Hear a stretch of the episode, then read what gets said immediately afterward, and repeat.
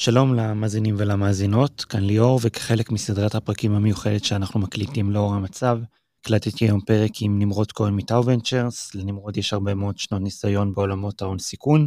דיברנו בעצם על מה זה אומר לנהל קרן הון סיכון בזמן מלחמה, בזמן משבר, מה מספרים החוצה ל-LPs, למשקיעים, איזה אתגרים החברות פורטפוליו שלו מתמודדות איתם, איך נראים החיים של המנכ"לים והמנכ"ליות שהוא השקיע בהם בימים כאלה, והאתגרים שהם צריכים להתמודד איתם, איזה כלים אפשר לתת למנכ"לים ולמנכ"ליות, איך הם מנסים לעזור, ובכלליות על המצב ש, שכולנו נמצאים בו. אז אני קודם כל מקווה שתקבלו ערך מהפרק, ובמידה ואתם רוצים לחשוב ולהתייעץ ביחד, אני כמובן זמין פה בשבילכם. אז אה, אהלן נמרוד, צהריים טובים, מה שלומך? בסדר גמור, תודה. בסדר גמור, מתחשב במצב, אין מה לעשות. בדיוק, כן, חייבים להוסיף את זה בימינו. כן. בוא נתחיל בזה שתספר קצת אחורה על ההיסטוריה שלך, על הקרן. Uh, בשמחה. אז נמרוד, בן 45, אם נשים בצד קריירת כדורסל, שזה פחות רלוונטי לפודקאסט הזה, אז uh, יזם, היו לי סטארט-אפים שלי, ולפני משהו כמו 12 שנה עברתי לצד האפל של המשקיעים. Uh, יצא לי להשקיע עד היום במשהו כמו 65 סטארט-אפים בכובעים שונים, כסף ראשון בחברות שחלקן uh, מצליחות היום לא רע, כמו יוטפו, קורלוג'יקס, WSE ספורט, סניק, ברינג, ועוד הרבה פחות מוצלחות, אבל למה שנזכיר אותן? ולפני משהו כמו חמש שנים הקמתי יחד עם אוניברסיטת תל אביב את טאו ונצ'רס, קרן ההשקעות הראשונה למעשה בישראל שהוקמה על ידי אוניברסיטה, בדומה לקרנות מאוד מצליחות בארצות הברית, כמו של MIT, סטנפורד, ברקלי, אז באמת החלטנו לעשות משהו כזה גם בישראל. אז זהו, קרן, שתי קרנות כבר מנהלות 70 מיליון דולר, משקיעים בשלבים מוקדמים. אני, אני אשמח להרחיב על זה קצת יותר, אבל ב high level באמת, אז אה, זה קרן שמתנהלת כמו כל קרן, אבל מה הייחוד בעצם בזה שהיא קרן של אוניברסיטת תל אביב? הוא בא לידי ביטוי אה, גם בזווית של deal flow, של דברים שקורים סביב האוניברסיטה, ויש לנו איזושהי גישה אולי אה, לפני אחרים, וגם ביכולת להציע ליזמים הרבה יותר מכסף, אם חושבים על כל המשאבים השונים של האוניברסיטה, מקשרים ופתיחת דלתות, חיבור לידע, כוח אדם, משרדים, אה, התעשייה שמאוד קרובה אלינו, ועוד ועוד ועוד, ו... ו... ואני חושב שאחד הדברים שאנחנו הכי גאים זה בעצם יצירת סוג של אקו סיסטם וקירוב של התעשייה אלינו, והרבה דברים שהם חלקם שגרתיים, חלקם קצת אה, משוגעים, כמו אקסלרטור עם השב"כ שאנחנו מריצים כבר. לראות עם השב"כ, אני מתאר לעצמי שיש. דרישות מעניינות בימים. כאלה. בימים אלה זה עוד מקבל נופח אה, אה, דרמטי ומעניין. או תוכנית עם ABN בב, יצרנית הבירה הגדולה בעולם. אנחנו מאוד אוהבים לעשות כל מיני פעילויות שתורמות לאקוסיסטם באופן כללי, וכמובן גם תורמות ומשרתות למטרות שלנו. ואיך נראית עבודה של קרן הון סיכון בימים כאלה שלא כל כך ברור מה, מי נגד מי ומה נגד מה? כיף גדול, הכל מושלם ואחלה, אה, אבל אה, בכל זאת, אם שנייה אה, נתייחס לשאלה הזאת בצורה כללית, עזוב רגע בימים אלה. אז באופן כללי, כקרן הון סיכון, החיים שלך הם, אחד, אתה צריך כסף, אתה צריך או, או לגייס כסף אם אתה בתקופה של גיוס, או להתנהל מול המשקיעים שלך, זה תנאי ראשון, בלי זה כל השאר לא רלוונטיים. וואנס יש לך כסף, אז uh, בעצם החיים שלך מתחלקים לשניים. אחד, אתה רוצה להגיע לסטארט-אפים הכי טובים שאתה יכול, כדי uh, שתוכל לבחור מביניהם את אלה שאתה הכי מאמין בהם ולהשקיע בהם, זה חצי מהעבודה. והחצי השני זה, אוקיי, השקעת בסטארט-אפים, אתה רוצה לעזור להם להצליח. כי בסופו של דבר ההצלחה שלהם זה הצלחה שלך והצלחה של המשקיעים. בתוך כל אחד מהצדדים האלה אז יש המון המון דברים שאפשר לעשות. כאילו, אם אנחנו מדברים על אה, אני רוצה להגיע לסטארט-אפים הכי טובים, אז זה המון עבודה מברנד אווירנס כדי שהסטארט-אפים, אתה לא מחכה שהם יגיעו אליך, אתה בעצם רוצה כל הזמן להיות במקומות האלה שנוצרים סטארט-אפים, כדי שהם באמת, ברגע שהם רוצים לגייס כסף הם יגיעו אליך, אז המון פעילויות סביב הדבר הזה. וגם בלעזור לסטארט-אפים, אז יש המון המון דברים שאפשר, שאפשר לעשות. עכשיו, היום אנחנו לא בסיטואציה רגילה, ואנחנו uh, הכי רחוקים אולי מסיטואציה רגילה שאנחנו יכולים לדמיין. אז אם, אם נתייחס לכל אחד מהאספקטים האלה, אז קודם כל מול המשקיעים שלנו, נכון להיום אנחנו לא בגיוס של קרן, יש לנו כבר שתי קרנות שרצות והכל בסדר. אני מתאר לעצמי, אבל הם שואלים מה קורה יפ, ומה המצב. יפה, ו... אז עוד לפני שהם שואלים, הדבר הראשון שאתה רוצה לעשות, רציתי להגיד באינסטינקט, להגיד להם שהכל בסדר, אבל לא, לא הכל בסדר, ואני חושב שבמערכת יחסים מול משקיעים, או בכלל מול אנשים, מול כל מערכת יחסים שיש לך, אני חושב ששקיפות היא מאוד חשובה. אז דבר ראשון, בימים הראשונים, שכמובן שכולנו היינו גם בהלם, זו סיטואציה כל כך קיצונית שאין לזה איזה playbook, כאילו שאוקיי, זה מה שעשינו פעם קודמת, בואו נעשה את זה גם עכשיו. אז גם אנחנו לומדים תוך כדי תנועה ומנסים לתקן טעויות גם אולי שאנחנו עושים תוך כדי תנועה.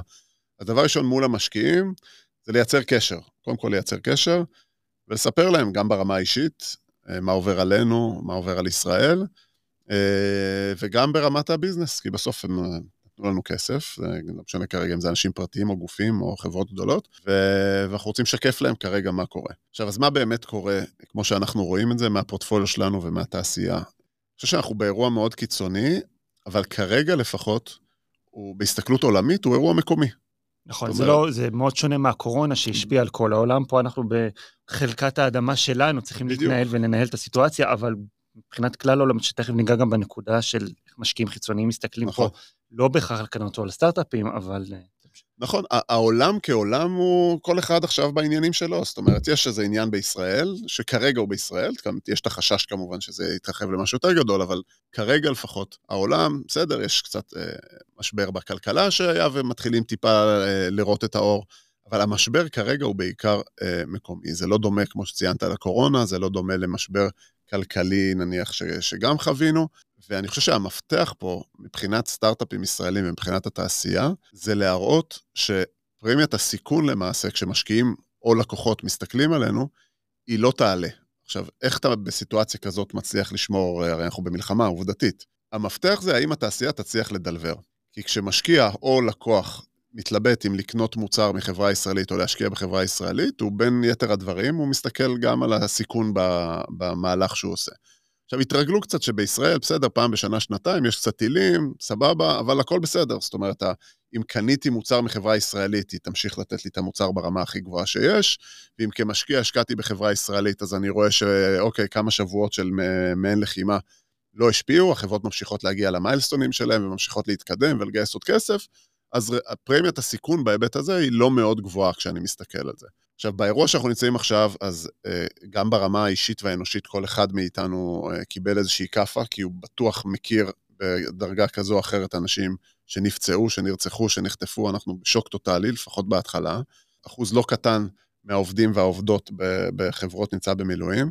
השאלה פה, הסיכון פה זה באמת עניין הדלבור. אם אנחנו נצליח לעבור את האירוע הזה ולהראות שהחברות לא נפגעו ויכולת הדלבור שלהם לא נפגעה, אז אני חושב שאנחנו נהיה במקום אה, שנסתכל עליו כאירוע נקודתי, ששמים אותו מאחורה, ואפילו נצא מחוזקים, כי אנחנו נראה שקרה מקרה כל כך קיצוני, ועדיין אה, הכספים של המשקיעים נשמרו והשתבחו, והלקוחות אה, קיבלו את מה שהם אה, אה, תכננו לקבל.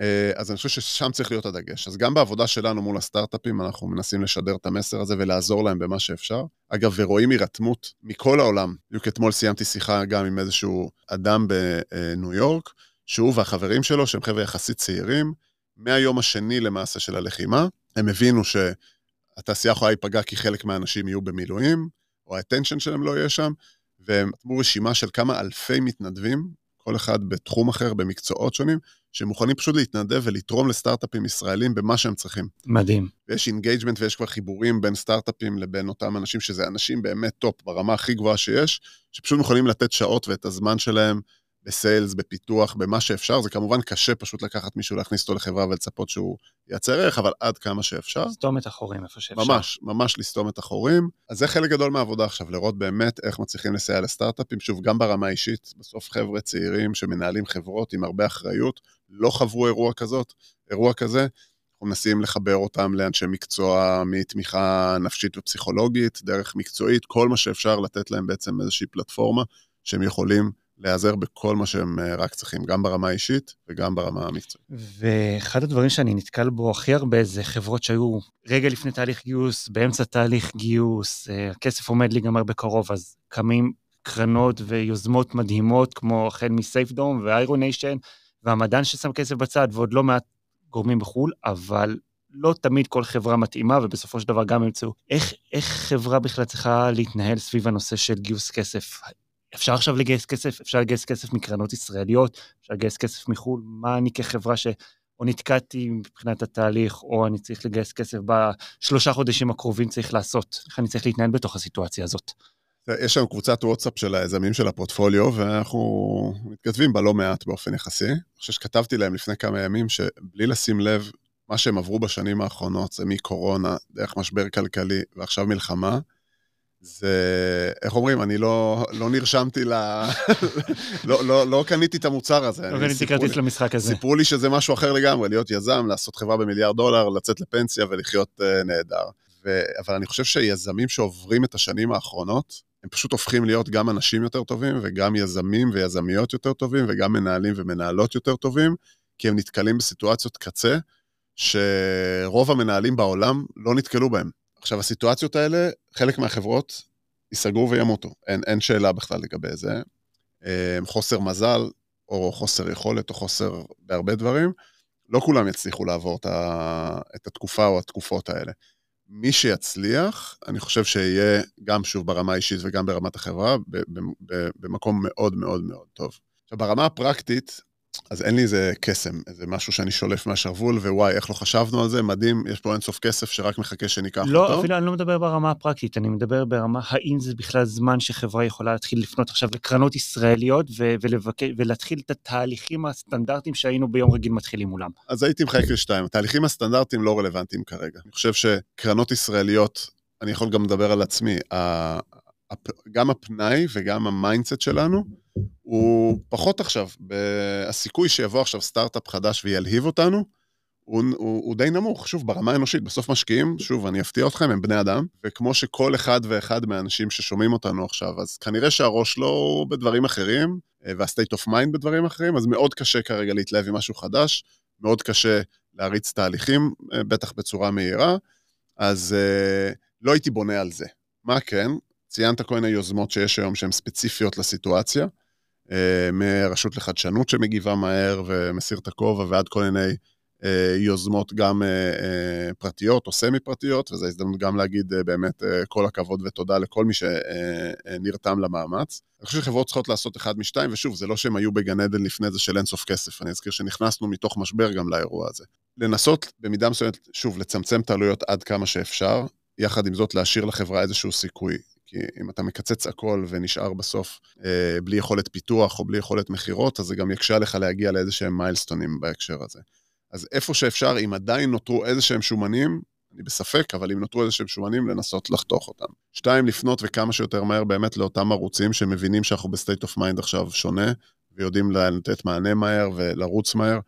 אה, בהחלט רשות לחדשנות בתקופה הזאת זה פתרון. לגבי חו"ל, אז אני חושב שזה גם מתחלק לשתיים. הקרנות הרגילות, הסבירות שעכשיו יתחילו תהליך, ובטח מהיר, עם אה, חברות ישראליות בסיטואציה שאנחנו נמצאים, היא לא, לא חושב שהיא לא, גבוהה. אנחנו, אנחנו נוגעים שהם לא התחילו תהליך, בעיקר מול חברות ה-early stage, כי חברה נכון, שכבר גייסה, נכון, נכון, נכון. ועכשיו נמצאת ב-B-ראונד שלה, יש לה הרבה יותר סיכוי דווקא עכשיו להם... לגייס, לעומת, לעומת דרך אגב, התקופה של המשבר, שפחות הסתכלו על החברות האלה, הם דווקא עכשיו, כי הם כבר, יש כבר צוות, יש כבר מוצר, יש כבר מכירות, זה עוד על הקיים. חברות early stage דווקא נפגעות יותר מהמלחמה. וחלק גדול מהצוות הרבה פעמים הוא כבר בחו"ל גם, וכולי. הערוץ היחיד שאני חושב שהוא יכול להיות שאפילו קרה בו משהו שמגדיל את הסיכוי, זה משקיעים יהודים ברחבי העולם, שמרגישים שאנחנו נמצאים פה עכשיו ונלחמים על המולדת, והם מבינים כמה שישראל חשובה, והם רואים שאנחנו אה, נהרגים, נפצעים, במילואים, שאנחנו all in פה במדינה, חזרנו מכל העולם, מטיולים, מוואטאבר, כדי להיות פה בישראל, והם מרגישים אפילו קצת לא נעים, מרגישים איזושהי תחושת מחויבות, יש להם כסף, זאת אולי ההזדמנות, במיוחד ב-early stage, שזה לא סכומים מאוד גדולים, לנסות לאתר כאלה, וזה לא טיקט של פילנטרופיה, אבל אני חושב שזה טיקט קצת, אה, תהיה איזושהי ציוני. פתיחות, ציוני, איזושהי פתיחות קצת יותר גבוהה. אני חושב שזה הערוץ היחיד שאולי אה, הסיטואציה יצרה איזשהו משהו שמגדיל את הסיכוי, בניגוד באמת לערוצים האחרים.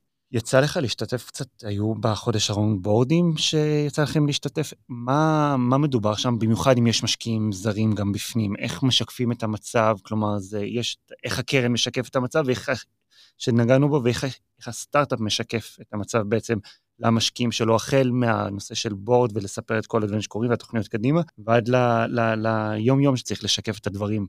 אני יודע, סתם לדוגמה אצלנו, שכל חברות הפורטפוליו שעבדנו איתם, גם אחרי שבועיים נשמנו רגע, כמה שאפשר, כולם הוציאו מיילים מאוד מסודרים על המצב נכון. הפיננסי, על מצב הלקוחות, על מצב העובדים, מי קורה ומה צפוי בשני הרבעונים הקרובים. אז אה, איך מסתכלים על זה אצלכם? אגב, זה מזכיר לי עוד נקודה שלא התייחסנו קודם, שדיברנו על לדלבר ודיברנו על לתת את התחושה שסוג של הכל בסדר, אז אחד מהדרכים לעשות את זה, זה להמשיך את הדברים שעשיתם לפני כן. זה לא לדחות ישיבות בורד, זה אם הייתם מוציאים עדכון למשקיעים אחד לחודש, או, או לאקוסיסטם שלכם, תוציאו אותו.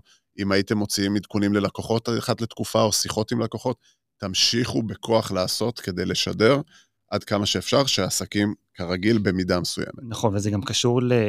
גם לשיחות עצמם. אתה יושב בשיחה, יש אזעקות, אין מה לעשות, קורה. נכון. אתה אומר, שנייה, אני הולך, אתה חוזר, אתה לא עושה מזה עניין. אסור שיבינו שיש פה איזה, למרות שיש פה, שיש נכון, פה איזה קרייסס. אבל לנסות שאנחנו... לנרמל את זה עד כמה שאפשר, את הסיטואציה ההזויה והלא נכון. נורמלית הזאת, לנסות לנרמל אותה עד כמה שאפשר. לשאלתך, הייתי בלא מעט ישיבות בורד בתקופה הזאת מן הסתם, וחלקן הגדול זה עם משקיעים מחו"ל. קודם כל, חשוב להגיד ומחמם את הלב, שלפחות כלפי חוץ ולמראית עין, תמיכה גורפת והבנה של הסיטואציה, ו- ו- ובאמת רצון לעזור ולתמוך עד, ב- ב- עד כמה שאפשר. אה, ברמה הפרקטית, אז uh, כולם שנייה רוצים להבין, ברמה העניינית, אוקיי, מה קורה? יש לנו עובדים uh, במילואים, יש לנו עובדים שלא נמצאים, העובדים מגיעים למשרד, מה המיילסטונים שאנחנו תכננו לעמוד בהם, האם אנחנו נצליח לעמוד בהם בפיתוח, במכירות. בוא, בוא נבין, הכל בסדר, גם אם לא, אנחנו מבינים, ואז בוא, בוא נחשוב רגע מה עושים ביחד. אה, אז אחד זה באמת לשקף ולהבין את הסיטואציה שבה, שבה נמצאים, ושוב אני אומר, הבנה מלאה לכל סיטואציה שאני לפחות אה, נחשפתי. ואז לנסות לייצר אה, פתרונות יצירתיים יותר או פחות לאותן סיטואציות. יש לך עכשיו חצי מהכוח של ה-R&D, אתה לא יכול להגיע למיילסטונים האלה. בוא, בוא נחשוב רגע איך מגשרים על הדבר הזה, או איך משנים את התוכניות, או איך משנים את הגאנט למיילסטונים שאנחנו רוצים להגיע. כי בסוף סטארט-אפ מתנהל בצורה כזאת שיש איזשהו גאנט, שאתה רוצה להגיע להישגים מסוימים, תקופה מסוימת לפני שנגמר לך הכסף, כדי שתוכל לגייס את הכסף הבא. זה נכון גם ב-very early stage וגם בשלבים היותר מתקדמים. עכשיו, אנחנו גם מבינים, גם במציאות רגילה, הגאנט הזה הוא מעולם לא נשאר כמו שתכננת אותו, אז בטח במציאות כזאת הוא משתנה. אז אוקיי, בואו נבין רגע מה הסיטואציה ואיך אנחנו מתאימים את הגאנט הזה כדי להביא את החברה למקום שהיא באמת תוכל להמשיך הלאה ולגייס אם היא תצטרך, או לעשות את, את מה שהיא צריכה. בסיטואציות כאלה מבינים שלא הולכים לעמוד ביעדים, ואז מבינים שאולי נצטרך יותר כסף יותר מוקדם, או את הכסף שתכננו להגיע, שיגיע קודם. יש פתיחות מצד המשקיעים, הישראלים אני מתאר לעצמי שכן, אבל מבחינת המשקיעים הזרים, זה קצת אה, להירתם לסיטואציה יותר ממה שצופה מהם אה, מלכתחילה, לשים עוד קצת כסף, להרחיב את הסיבוב הקיים ולעזור לחברה בעצם לעבור את המכשול הזה. כן, אפשר להסתכל על זה כ... תעשו טובה, במרכאות. אני מסתכל על זה כי יש לכם פה הזדמנות אדירה. אני חושב ששוב, זה דיון כבר חצי פילוסופי, אבל אני חושב שאיפשהו בעתיד הלא מאוד רחוק, אנחנו נצא במקום יותר טוב מאיפה שנכנסנו. זאת אומרת, המלחמה הזאת כנראה לא תימשך שנים, גם אם היא תימשך הרבה זמן, אז מבחינת עצימות, אז אנחנו בין כמה שבועות לחודשים בודדים, ואנחנו אמורים לצאת בסיטואציה ביטחונית יותר טובה מאיפה שנכנסנו. כמובן שאני משער, אני לא יודע אה, שום דבר שאחרים לא יודעים. זה מוקלט, אז אנחנו צריך לבדוק. אין בעיה, תבדוק, אחרי זה... אחרי זה נמחק. כן, אחרי זה נמחק. אה, אולי שלום עם סעודיה, שדווקא המלחמה, אני חושב, מחזקת את הסבירות שהוא יקרה לאור התגובות של, ה, של הציר הזה. אז אני חושב שדווקא לייצר הזדמנויות השקעה למי שהוא כבר engaged, אני חושב שהם יכולים לקבל היום את ההזדמנות לשים עוד כסף בחברות שהם כבר מכירים וסומכים, ורואים את הביזנס ורואים שסך הכל החברות טובות, בתנאים מועדפים, כי בסוף, אה, שוב, אה, לחברות יש שם פחות אלטרנטיבות, הן צריכות יותר כסף, אז הם יצטרכו לגייס כספים בתנאים פחות טובים מאשר כשהכול טוב וכולם רוצים להשקיע בהם, כללים בסיסיים של היצע וביקוש. אז יש משקיעים שמבינים את זה, לשמחתי גם לא מנצלים את זה, זאת אומרת, לא עכשיו עושים... אה, אה, סיבובים אה, קיצוניים, כי שוב, הם גם כבר בתוך החברה, זה לא כל כך משרת אותם.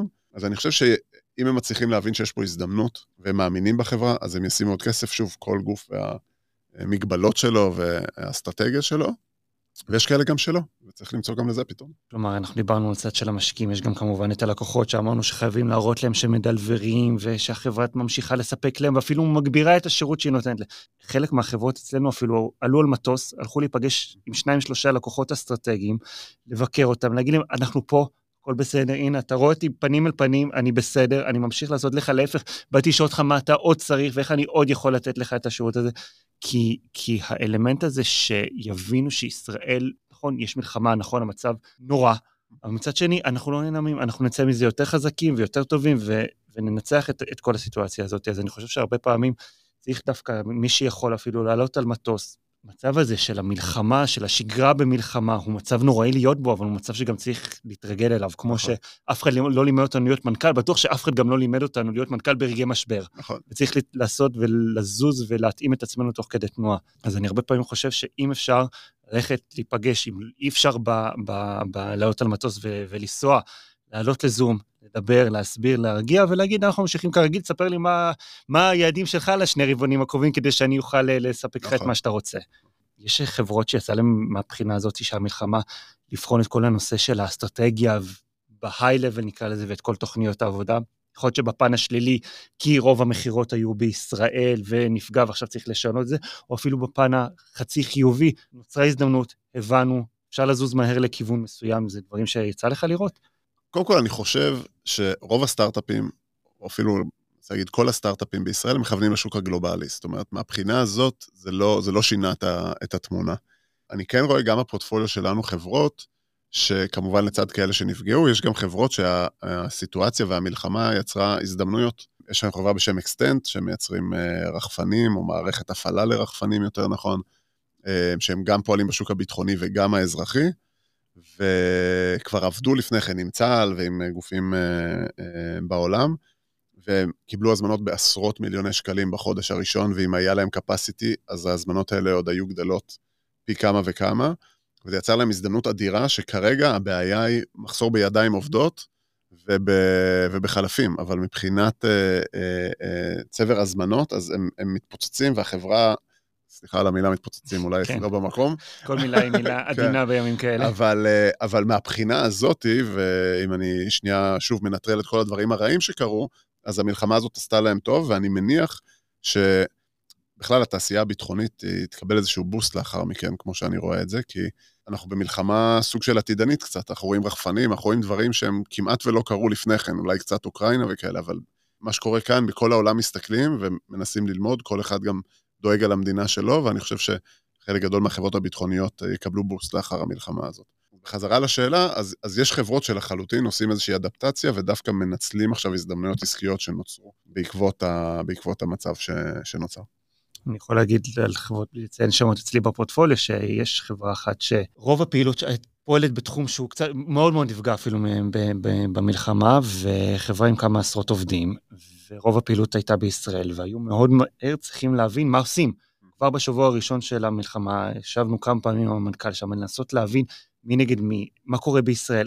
פעילות בישראל כמעט נעצרה, מצד שני, עוד לא מספיק התחילו את הפעילות ב- ב- בארצות הברית, איך רצים מהר לתוך האירוע הזה, מבלי שהחברה תיפגע, כי אם הפעילות בישראל נעצרת, חברה של עשרות עובדים, נכון. אנחנו לא רוצים להגיע חלילה למצב של פיטורים תוך כדי מלחמה. נכון. יש פה הרבה כדורים שהיו צריכים להיות באוויר. נכון. אה, הלכה מהר למשקיעים שלו שהיו, באו ואמרו, אם צריך עוד כסף, אנחנו מעכשיו אומרים לכם, תקבלו את העוד כסף שצריך. כן. הלכו והקימו מהר מאוד מערך בארצות, בארצות הברית, וכבר רואים ניצנים ראשונים. אז כן, זה לא טוב מה שקרה לסיטואציה, אבל מצד שני זה גרם להם ודחף אותם להיכנס לשוק.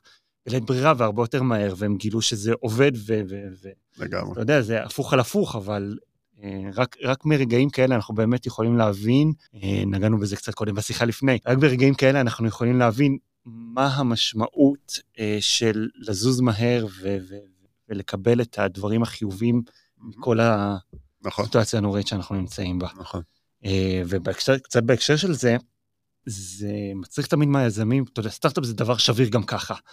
כל רגע זה יכול להישבר, תמיד יש עוד שישה חודשים עד ש... במקרה הטוב. כן. במקרה הטוב. ומה אני היום, דוגמה כמנכ"ל, כמנכ"לית של חברה, צריך לעשות כדי באמת להבין, איך אני יכול בכלל לתכנן את הדברים נכון קדימה? מה אני צריך לעשות כדי לתכנן לי איזה פריוריטי של דברים, של לעבוד בצורה נכונה, כדי שאני אדע שעוד שישה חודשים אני לא סוגר את החברה.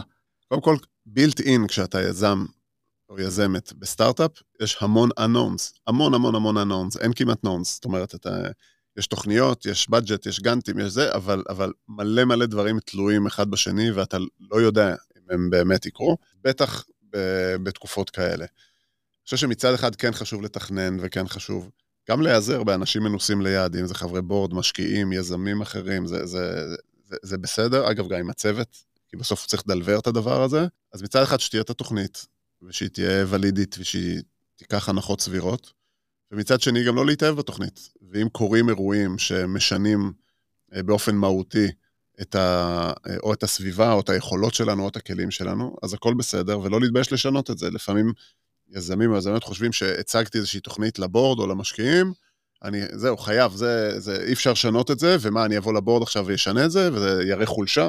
אני חושב שלהפך.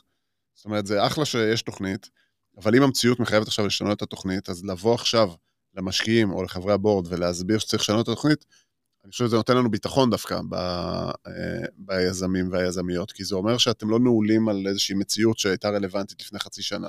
אני, אני מצטער על הקלישה, אבל לא לחיות בקונספציה. כן, לחלוטין, לחלוטין. אז לא להתבייש ולא לפחד ולא לחשוב שזה לא בסדר. אה, ושוב, לשקף, לייצר שקיפות כל הזמן, אני חוזר על זה, אני חושב שזה, אין לנו ציפיות גם כמשקיעים שהיזמים שלנו לא יטעו וידעו הכל. אה, ברור לנו ש, שיהיו מלא טעויות, ובטח בסיטואציות כאלה, שקיפות, לחשוב ביחד, לייצר תוכניות, לנסות לדלבר, לא הולך, זזים ימינה, זזים שמאלה. אני חושב שהנושא, ברמה הגדולה, אני לא חושב שיש סטארט-אפ אחד שלא עשה פיבוט כלשהו, הן במוצר, הן בשוק, הן בטכנולוגיה. ברור. וזה לגיטימי וזה בסדר ולא צריך להתבייש בזה, ולפעמים, לרוב זה פיבוטים טובים, כי יצאנו לדרך, חשבנו על כיוון מסוים, הבנו שזה לא הכיוון, או קראה סיטואציה מבחוץ שגרמה לנו לשנות את הדברים. ולא להתאהב בתוכנית, אני לחלוטין מסכים עם, עם הנקודה הזאת, וללכת ולשנות את הדברים, וכל הזמן להיות אג'ילים, זה משהו שהוא מאוד מאוד אה, הכרחי. בוא נצא רגע מה, נסתכל רגע על המקרו. יש משהו שאתה חושב שהקרנות הון סיכון, אולי אפילו המשקיעים הפרטיים, צריכים לעשות עכשיו בהסתכלות קדימה, שאנחנו מבינים את התמונה ומתוך uh, אמונה שאנחנו הולכים לצאת יותר טובים ויותר מחוזקים, איזה, איזה פעילויות צריך לצפות אותם uh, קרנות משקיעים כדי באמת לחזק את החברות פה בישראל לטווח הארוך?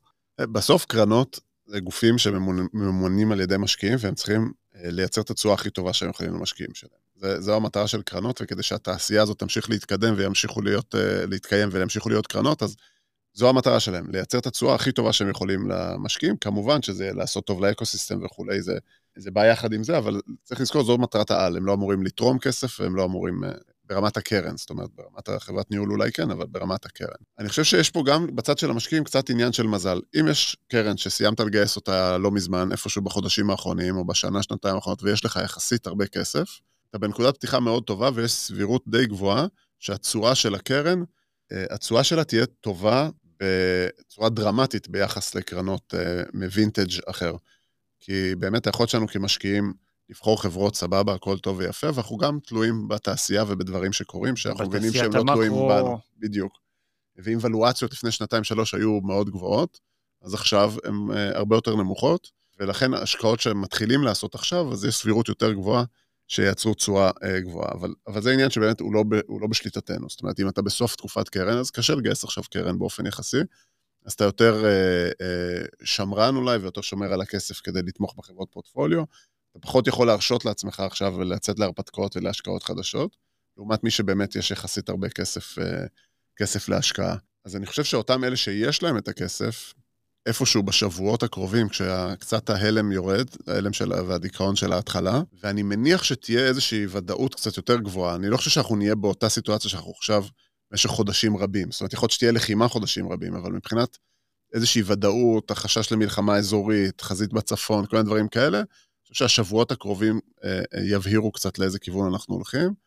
ואז שרמת הוודאות טיפה תגדל, אני חושב שזה יהיה זמן טוב לחדש או להתחיל, תלוי באיזה פוזיציה אתה, השקעות חדשות.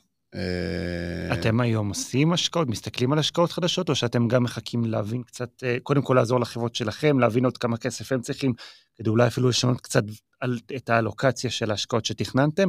זה משהו שאתם עושים, ממשיכים להסתכל על deal flow? אז לשמחתנו, הקרן השנייה שלנו יחסית בהתחלה שלה, ויש לנו עוד מספיק כסף uh, כדי לעשות השקעות חדשות, ואנחנו לחלוטין רואים חברות ובוחנים חברות, ואנחנו נשמח שיהיו חברות שעכשיו ילהיבו אותנו ונשתכנע להשקיע בהן, חד משמעית, כאילו זו התוכנית שלנו לתקופה, לתקופה הקרובה.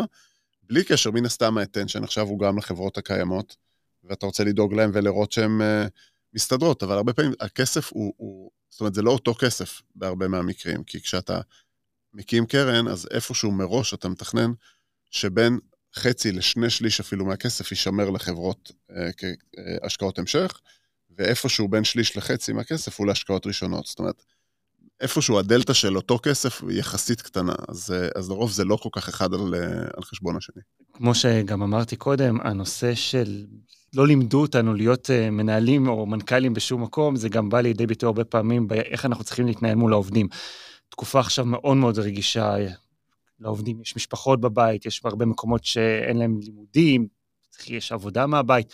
איך, איך, איך אתה ממליץ למנכ"לים, למנכ"ליות שלך להתנהל בכלל מול העובדים בבית, ואתה יודע, יש גם רגישות של בין אני באמת רוצה להראות שאני מדלבר את הדברים ומוציא את הכל החוצה והלקוחות מרוצים וכולם בסדר.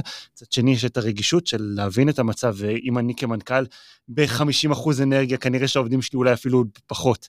אז מה, מה אתה מציע נכון, לעשות? אני חושב שהייתה התקופה הראשונית, נקרא לזה השבוע, שבועיים הראשונים, ששוב, כולנו היינו בהלם, כולנו פחדנו, חשש אמיתי לצאת מהבית, אני חושב שכולנו חווינו את זה. ואז יש את פייס 2, שאתה מבין שזה יהיה אירוע ארוך. אני יכול להגיד על עצמי, הימים שבהם הייתי על הספה עם הטלפון, מבחינתי זה היה ימים נוראים. זה היה ימים נוראים, זה היה ימים מתסכלים, זה מורידים למטה, אה, אה, מאוד מאוד קשה. לי, ברמה האישית, אני הרגשתי ממש סוג של דיכאון. המקומות שבהם הצלחתי לראות קצת יותר אופטימיות וקצת יותר אה, ערך, זה באמת אותם ימים שסוג של הכרחתי את עצמי לצאת מהבית, ללכת למשרד, זה מאוד קשה, כי כשיש אזעקות, אתה רוצה להיות ליד המשפחה וליד הילדים ולחבק אותם ולהסתכל בעיניים ולראות שהכל בסדר, ולא עכשיו אה, לקח את הטלפון ורגע, איפה אתם, מה קורה? זה מאוד מאוד קשה. אבל אני חושב שיש חשיבות קריטית בעד כמה שאפשר לחזור למסגרת המשרדית ולחזור למסגרת שפוגשים אנשים ומדברים אחד עם השני ומחבקים אחד את השני ומסתכלים בעיניים אחד של השני וקמים בבוקר ומתלבשים ומתאפרים. ושותים את הקפה במשרד, אני חושב שזה חשיבות דרמטית. עכשיו, חשוב כשאני אומר את זה, לאזן, כי יש את המגבלות האובייקטיביות, כמו שאמרנו, יש אה, בעל או אישה במילואים, יש ילדים בבית, זאת אומרת, אי אפשר להיות אטומים ולהגיד, לא מעניין אותי מה, חמישה ימים בשבוע, חוזרים כל היום למשרד. ו- וכל מנכ"ל ומנכ"לית צריכים להפעיל את השיקול דעת של אפילו ללחוץ טיפה על העובדים, כי ההחלטה הקלה היא, עזוב אותי, תן להישאר בבית. זו החלטה הקלה, שאני לא בטוח שהיא משרתת גם את העובדים עצמם ואת החוסן הנפשי ואת הנפש שלהם. לפעמים כן צריך את הפוש הקטן הזה ואת הסוג של אה, להוציא אותם מאזור הנוחות ולחייב, אבל כן להיות קשובים גם לצרכים ולא להיות uh, אטומים. אני רואה אצל חברות, גם אצלנו בצוות וגם בחברות שלנו, שמצליחים להגיע למשרד ומצליחים לנהל איזושהי סוג של שגרה פיזית, זה uh, משהו ברמה האישית עשה להם, שמושלך כמובן גם לרמה המקצועית וגם לשאר האספקטים שלה. אני מסכים לחלוטין, אני יכול גם להגיד על עצמי, בשבועיים הראשונים, אולי הייתי עובד חצי שעה ביום כדי לסגור איזה פינה כלשהי בלי יכולת באמת אמיתית לעשות שום דבר. וככל שנכנסתי יותר וראיתי שאני עובד יותר ולא חושב כל הזמן על מה שקורה ולא כל היום בוהה בחדשות, mm-hmm. הרגשתי עם עצמי טוב יותר. נכון. אז זה, העשייה הזאת גורמת לנו פשוט בצורה הכי, הכי פשוטה להתנתק. ממש ככה. להתנתק ולעשות כן. את הדברים שאנחנו רגילים לעשות, ושגרה זה לא בהכרח רע. נכון, נכון, נכון, לגמרי. אז אה, נמרוד, תודה רבה. היה לי נעים מאוד, ושנתראה פה בימים שמחים וטובים יותר. תודה על ההזדמנות, ובאמת כל מי ששומע אותנו, אם יש איך לעזור, רוצים להתייעץ, אה, אה, לחשוב ביחד, אז תרגישו חופשי, נשמח, בשביל זה אנחנו פה. לחלוטין, תודה רבה. תודה.